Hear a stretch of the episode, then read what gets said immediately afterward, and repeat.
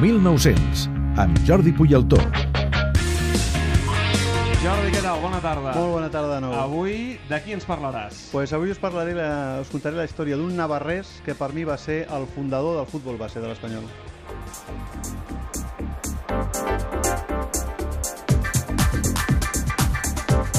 I qui és Jordi, aquest navarrès que va fundar l'Espanyol? Que... Doncs, doncs és un senyor que es deia Luis Gamito Iturralde i era molt conegut pel nom de Passabalón. Passabalón. Passabalón.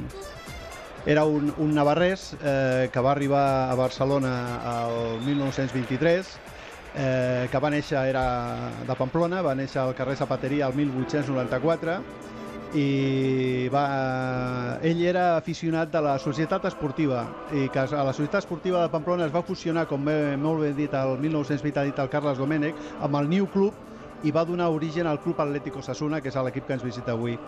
Llavors aquest navarrès eh, va anar per, per temes personals a l'Argentina i va arribar a Espanya el 1923. Llavors es va quedar enamorat de l'Espanyol només que va arribar i va sol·licitar col·laborar amb el club per eh, eh, generar o fundar equips d'infantils i treballar treballar en la cantera. Llavors el club li va dir que sí i antigament, als anys 20, el que tenia el club eren segons equips, tercers equips i quarts equips.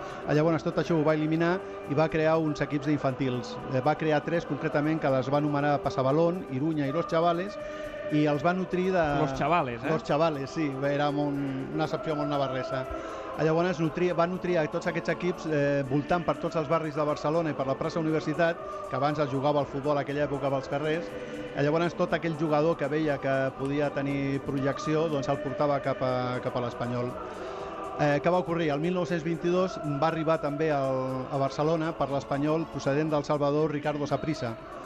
Llavors es van fer molt, molt amics i Saprissa li va, li va proposar eh, unificar tots aquests equips que hi havien sota el nom de Penya Saprissa i ell, com també hi havia molts problemes econòmics, el propi Ricardo Saprissa eh, pagaria totes les despeses d'aquest futbol.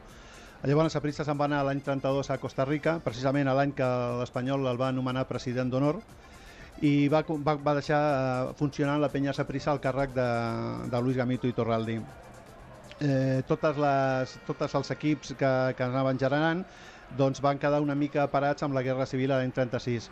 Eh, quan va acabar la Guerra Civil van continuar treballant amb tots els equips, fundant jugadors, eh, van sortir d'aquests eh, equips, van sortir inclús jugadors internacionals com van ser Alberto Martorell, Josep Trias, Ricardo Teruel... Ah, és a dir, estem parlant que és la gènesi del futbol base de l'Espanyol. I sí, aquí, sí, escolta'm, sí, sí. per què li deien passabalón? Perquè això m'ho va explicar el fill d'un jugador que va ser de la penya Saprissa, Canals, que es passava tot l'entrenament dient passa el balon, passa el balon, no, no volia, el que volia era que corrés la pilota i no els jugadors. Llavors era tan passat el pobre home dient passa balon que se li va quedar, se li va quedar aquest apodo.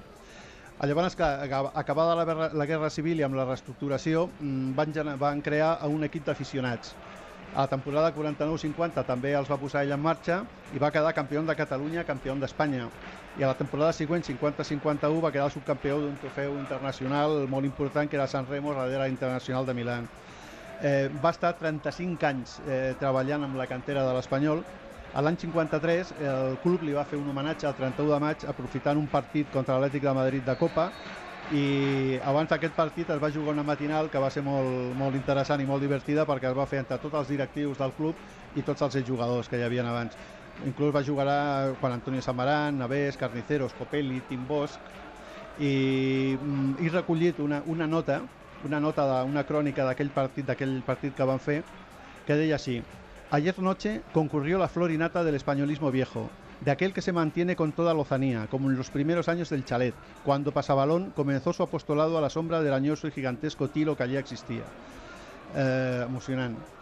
El 1960, ja quan tenia 66 anys i després de 35 anys de treballar per l'Espanyol, doncs es va, es va jubilar i li van fer un altre homenatge a eh, uns jugadors, eh, ja dic, els Martorells, els Internacionals, li van fer un altre, un altre partit va morir a l'any 66 a l'edat de 72 anys a Barcelona i fins a l'any 75-76 a les equips inferiors encara es deien Real Club Deportivo Espanyol Passabalón i Real Club Deportivo Espanyol doncs, Saprissa. Déu-n'hi-do, déu nhi déu Jordi, aquesta història del Passabalón, eh? el pare del, del futbol base sí, Perico. Sí, el creador del futbol base. Molt bé, gràcies Jordi. Al contrari, gràcies a vosaltres.